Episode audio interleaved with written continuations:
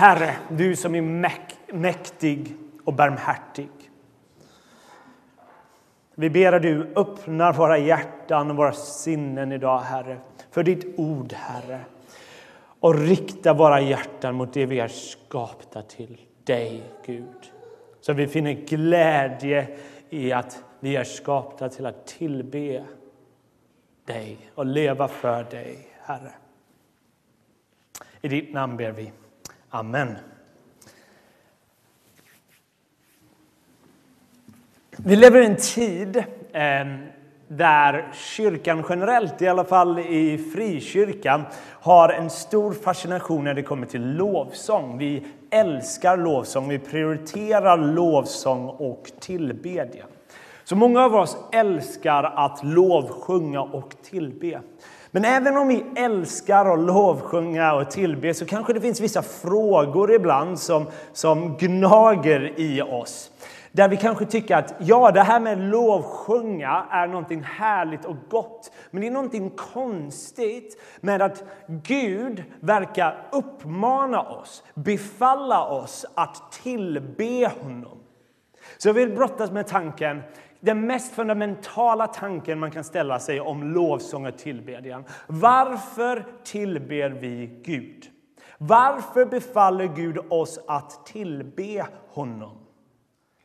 Jag kommer inte utlägga idag palmsöndag-texten, men denna texten ställer samma fråga tycker jag.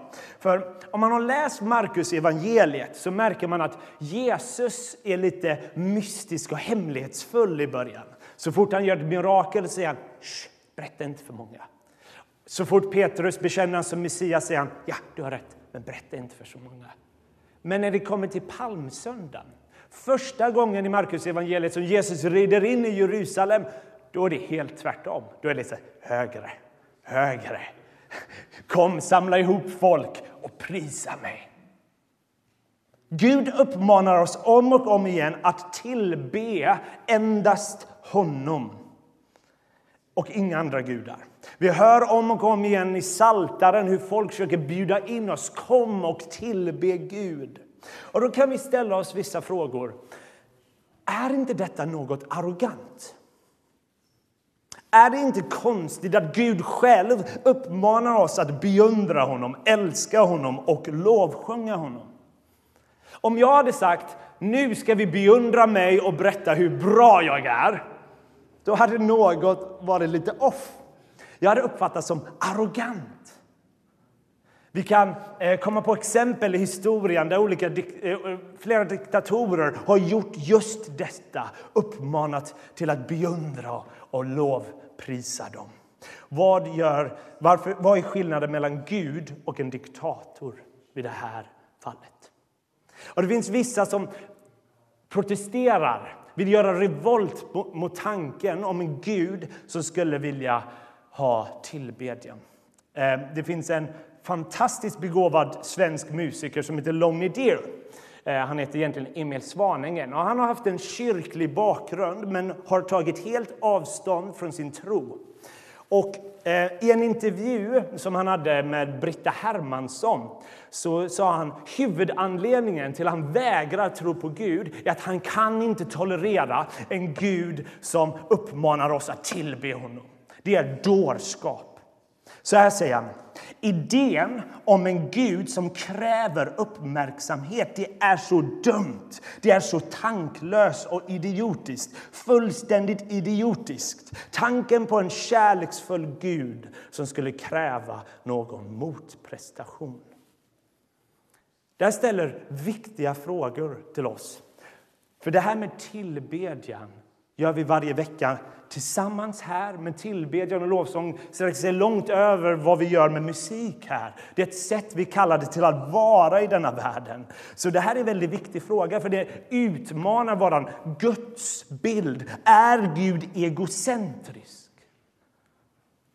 Och varför skulle han ens behöva lovsång? Har han lite psykologiska problem? Känner han sig lite ensam? Lite osäker där på kvällen och behöver lite komplimanger för att orka med dagen. Det här låter knappast som någon som är värdig titeln Gud. Det här är inte en Gud som är tillräcklig i sig själv. Det här är Gud fylld med behov.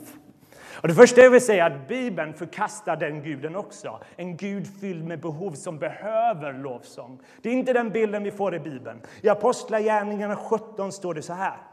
Gud som har skapat världen och allt den rymmer, han som är herre över himmel och jord, bor inte i tempel som är byggda av människohand. Inte heller låter han betjäna sig av människohänder som om han behövde något. Han som själv ger alla liv och anda och allt. Alltså Gud har inte sådana behov. Han behöver inte vår lovsång. Han är fullständigt tillräcklig i sig själv.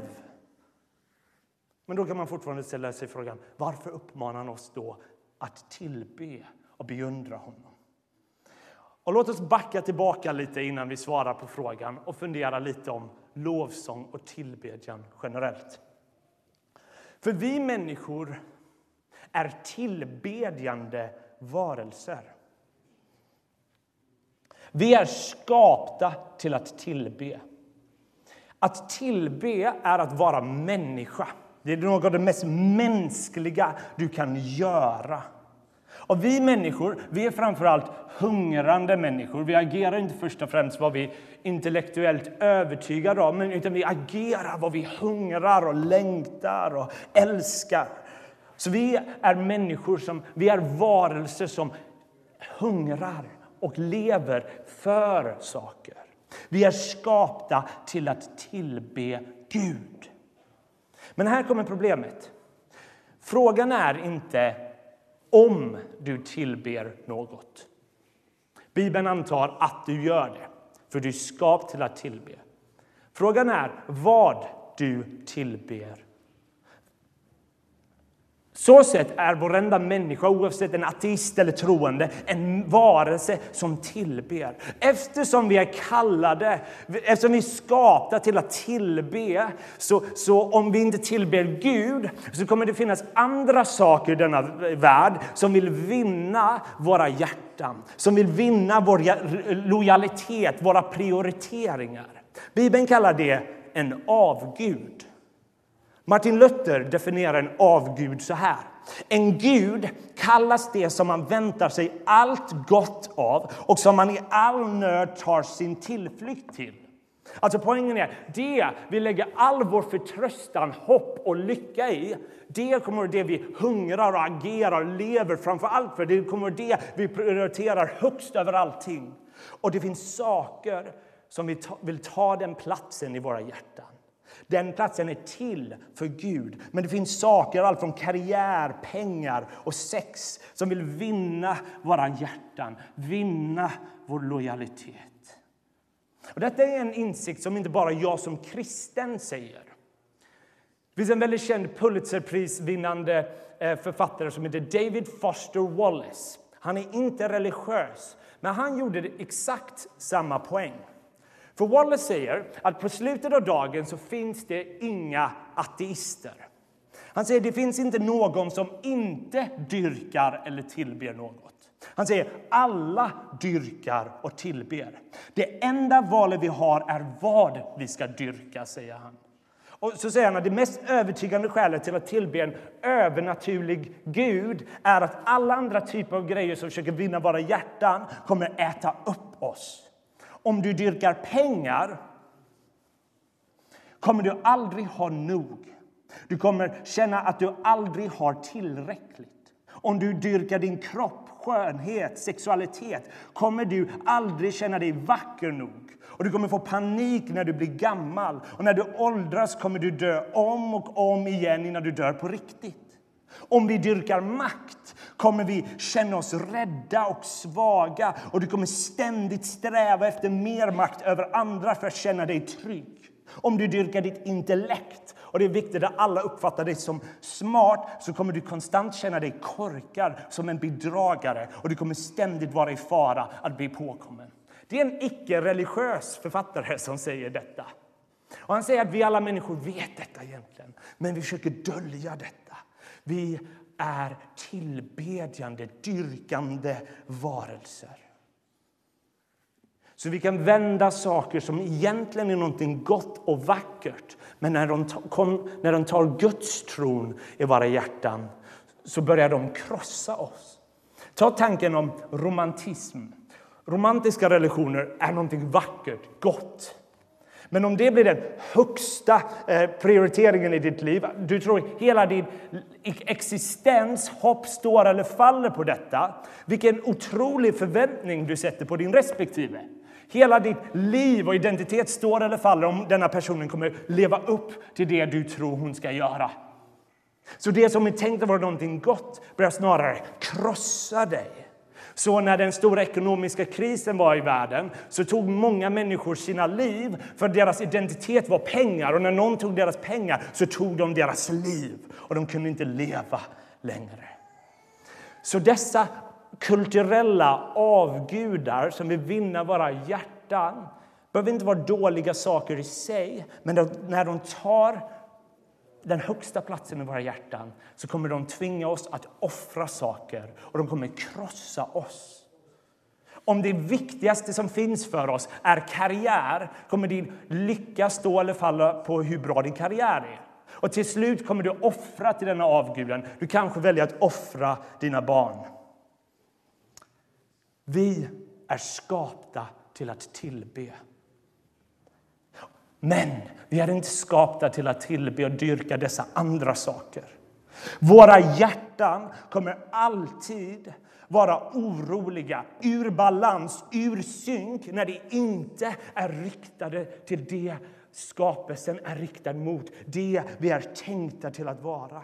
Lovsång och tillbedjan det är i vårt DNA, det är att vara människa. Men enda sättet vi kan bli hela är om våra hjärtan är riktade till det vi är skapta till. Att vi återupprättas till det vi är kallade till. Endast där finns frihet och blomstrande i Bibeln. Dessa olika falska avgudar må erbjuda hopp, glädje, tillfredsställelse men de kan inte ge vad de utlovar. Kanske en kort kick, men de kan bara ge tomhet.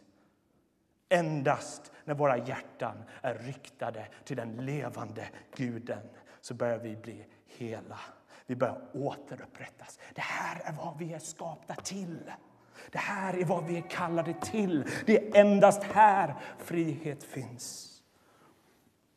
Så lovsång och tillbedjan är inte bara någonting vi gör, det är någonting som gör någonting med oss. Så när israeliterna i Gamla testamentet börjar tillbe eh, blodtörstiga gudar så blir de blodtörstiga. Så långt innan vi läste böcker om att du blir vad du äter så talar Bibeln om du blir vad du tillber. Men de goda nyheterna är när vi, våra hjärtan återupprättas. När Gud börjar rätta till våra kompass till det vi är skapta till så börjar vi formas mer och mer efter Gud. Vi börjar längta efter vad han längtar efter. Vi börjar älska vad han älskar. Därmed är vi kallade, skapta till att tillbe denna guden. Och nu är vi i en bättre position till att kunna svara på frågan varför tillber vi Gud. Och låt mig ge ett kort svar först, som inte kommer att vara helt tillfredsställande, även om jag tror det är rätt, och sen ett litet längre svar. På ett sätt är svaret på frågan detta. Vi är kallade till be Gud, för Gud är Gud och vi är inte Gud. Vi är en helt annan kategori.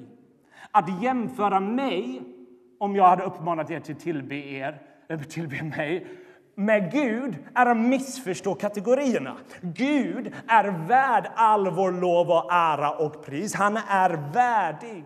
Alla mina bästa åstadkommanden är omöjliga utan denna guden. Så sätt är Gud ojämförbar. Han är ljuvligaste varelse som existerar. Han är värd vår lov och ära. Det är ett svar. Men jag tror det finns en djupare dimension Gud uppmanar oss till att tillbe honom, för vi är skapta av denna guden och till denna guden. För att hela vår identitet kan endast bli funnen i relation till denna guden. Och därmed är vi kallade till att älska, tillbe och förundras av denna guden. Han uppmanar oss till att tillbe honom, inte för att han behöver det, men för vi behöver det. Han bjuder in oss till detta, för det är för vårt eget bästa. Vi kan inte hitta hopp, frid någon annanstans. Det är för vårt eget bästa som Gud vänder vårt fokus till honom. Det är utifrån hans kärlek, det är nåd, det är inte arrogans. Och enda anledningen vi inte ser detta är för vi är blinda och endast Gud kan öppna våra ögon. Hur i hela världen hade det hjälpt oss om Gud sa så här? Tillbe inte mig. Jag, jag är som er, lite starkare, lite pumped up, men fokusera inte på mig. Hur i hela världen hade det hjälpt? Det må ha uppfattats som ödmjukt från någon hednisk avgudadyrkare men sann ödmjukhet finner vi endast i den guden som blev en av oss och lät sig slaktas blodigt på ett kors på Golgata. Där, mina vänner, finner vi sann ödmjukhet. Det är inte utifrån arrogans eller osäkerhet som denna guden vänder våra fokus till honom. Det är utifrån kärlek. Det, det finns ingen osäkerhet i denna guden. Han bjuder in oss att få beundra det mest beundransvärda som finns. Att beundra någonting är en ljuvlig känsla, det är någonting gott. Att få beundra det mest beundransvärda är en gåva. Där finner vi liv. En person som brottades med denna tanken. Varför tillber vi Gud? är den berömda brittiska författaren C.S. Lewis som är framförallt känd för sina Narnia-böcker. Men när han blev troende så, var det här, så brottades han just med denna fråga. För han uppfattade det som att tillbedjan handlade om att Gud ville höra hur bra han var. Han tänkte att det handlade om komplimanger. Och han, eh, vi alla vet hur irriterande det är när någon person bara vill ha all uppmärksamhet på sig. Eh, och vad är skillnaden när Gud gör detta? Så Lewis fick en hemsk gudssyn. Han sa att han kunde lättare förstå någon som en Gud som säger lyd mig snarare än en Gud som säger tillbe mig. Så han irriterades när han läste Saltaren hur, hur liksom de sa kom, kom, tillbe Gud. Ja, värst av allt var när Gud själv sa Kom, kom, tillbe mig. I Louis öron lät det som att Gud ville höra hur bra han var. Men sen börjar Louis upptäcka vissa saker i skriften. Först börjar han upptäcka att lovsång handlar inte om att vi bara samlas och Gud är någon form av passiv observatör. Vi har pratat om detta tidigare i den här predikoserien. Utan han märkte att när folk kom och lovsjöng och tillbad Gud så var Gud långt ifrån passiv. Utan Gud verkar möta sitt folk. Gud verkar ge av sig själv till sitt folk. Utan lovsång och tillbedjan handlar framför allt om ett möte med den levande guden. Så det handlar inte om en show. Kom igen Gud, lyssna hur bra vi är. Nej, han börjar märka att det var ett möte med den levande guden. Så det handlar inte bara om att vi ska ge massa saker till Gud. Gud möter sitt folk. Och sen börjar han märka att han har missförstått varför folk väljer att prisa saker. För vi människor prisar saker. När vi finner glädje i någonting så prisar vi det. En eh, vandrare prisar naturen, en, en läsare prisar sin författare, en älskare prisar sin älskarinna. Och han insåg att i slutändan Va, han ställde sig frågan varför väljer de att prisa någonting. För han insåg att det handlar inte bara om att ge en komplimang. Åh, naturen, vad fin du är! Liksom, Åh, nu mår naturen lite bättre. Han märkte snarare att det var någonting i människan, att när de fann glädje i någonting så var det nästan någonting automatiskt, ens inre hälsa som behövde komma ut. Så de behövde proklamera åh vad ljuvligt det är. Och det räckte inte med att hålla det till sig själv, utan man bjuder in varandra. Isn't she lovely, sjunger vi. Åh, kolla vad vacker! Åh, den här filmen, du måste se den. Det räcker med inte att bara sätta och tyckt om det. Det är någonting i oss, i själva gärningen av att, att beundra, där vi måste förkroppsliga det. Och det är det saltaren gör, säger, eh, eh, säger Paulus. C.S. Lewis. Han säger kom, kom, se, vi har sett det mest beundransvärda som finns. Kom med oss. Och så insåg Lewis att han sa så här. Jag tror vi älskar att prisa vad vi finner glädje i. För prisandet uttrycker inte bara vår glädje, prisandet fullbordar glädjen. Alltså poängen Lewis försöker göra är att när vi finner glädje i någonting, när vi beundrar någonting så är det någonting, när vi finner glädje i det så fullbordas det när vi väljer att prisa det. Om vi såg världens vackraste utsikt och vandrade med några människor då är det någonting i oss som vill säga kolla vad vackert det är. Det hade tagit ifrån glädjen om vi visste att dessa människor tycker det här ser ut som en konservburk. De bryr sig inte. Det hade tagit ifrån glädjen. För det är någonting i själva gärningen att prisa där vi börjar faktiskt fullborda glädjen vi redan har. Och Louis säger det är det vi gör när vi lovsjunger Gud. Vi, vi har en glädje i Gud, men när vi börjar sjunga sångerna så börjar glädjen växa och bli större. Glädjen börjar fullbordas. Så man kan komma till en gudstjänst, inte känna så mycket glädje för Gud, men sen börjar vi lovsjunga, församlingen börjar prata om hur trofast och ljuvlig den är guden. Och vi börjar haka på i sång, i glädje. Och glädjen börjar fullbordas. Det, är någon, det här med lovsång gör någonting med oss. Därför är det av ren nåd som denna guden bjuder in oss till honom.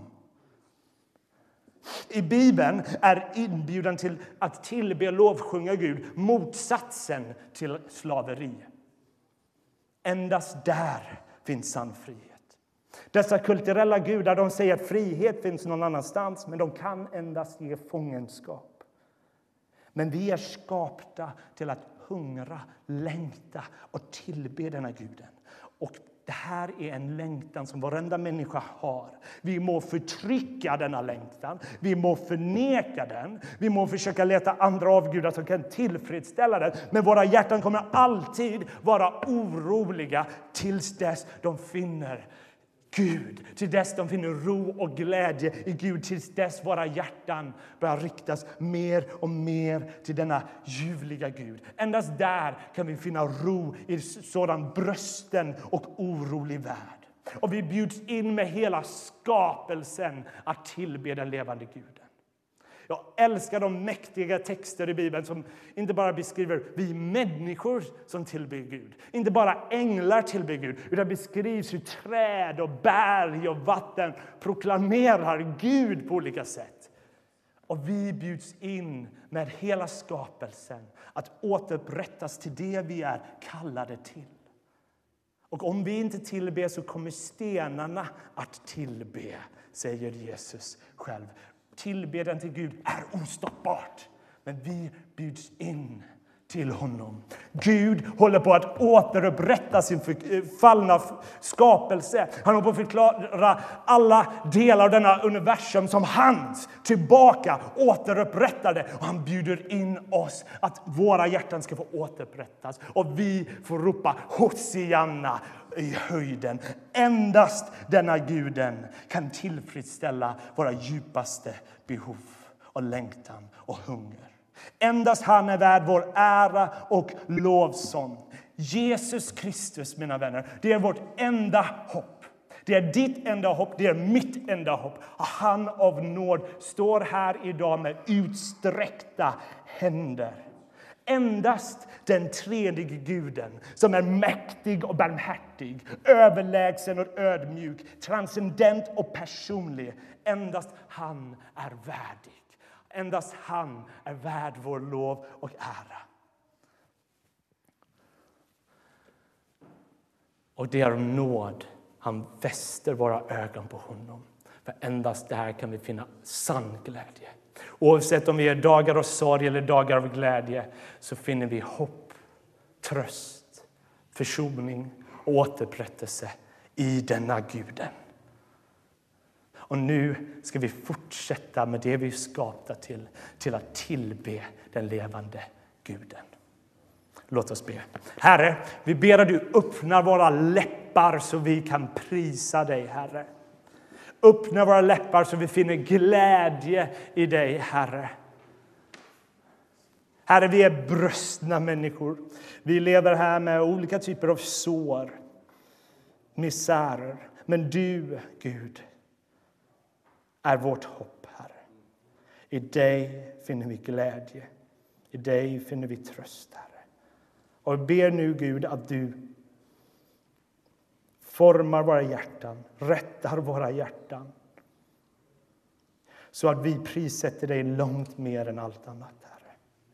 Så vi finner glädje och säger vi vill ha Kristus över allt som denna världen har att erbjuda. Herre, upphöj ditt namn i våra hjärtan, i våra sinnen, Herre.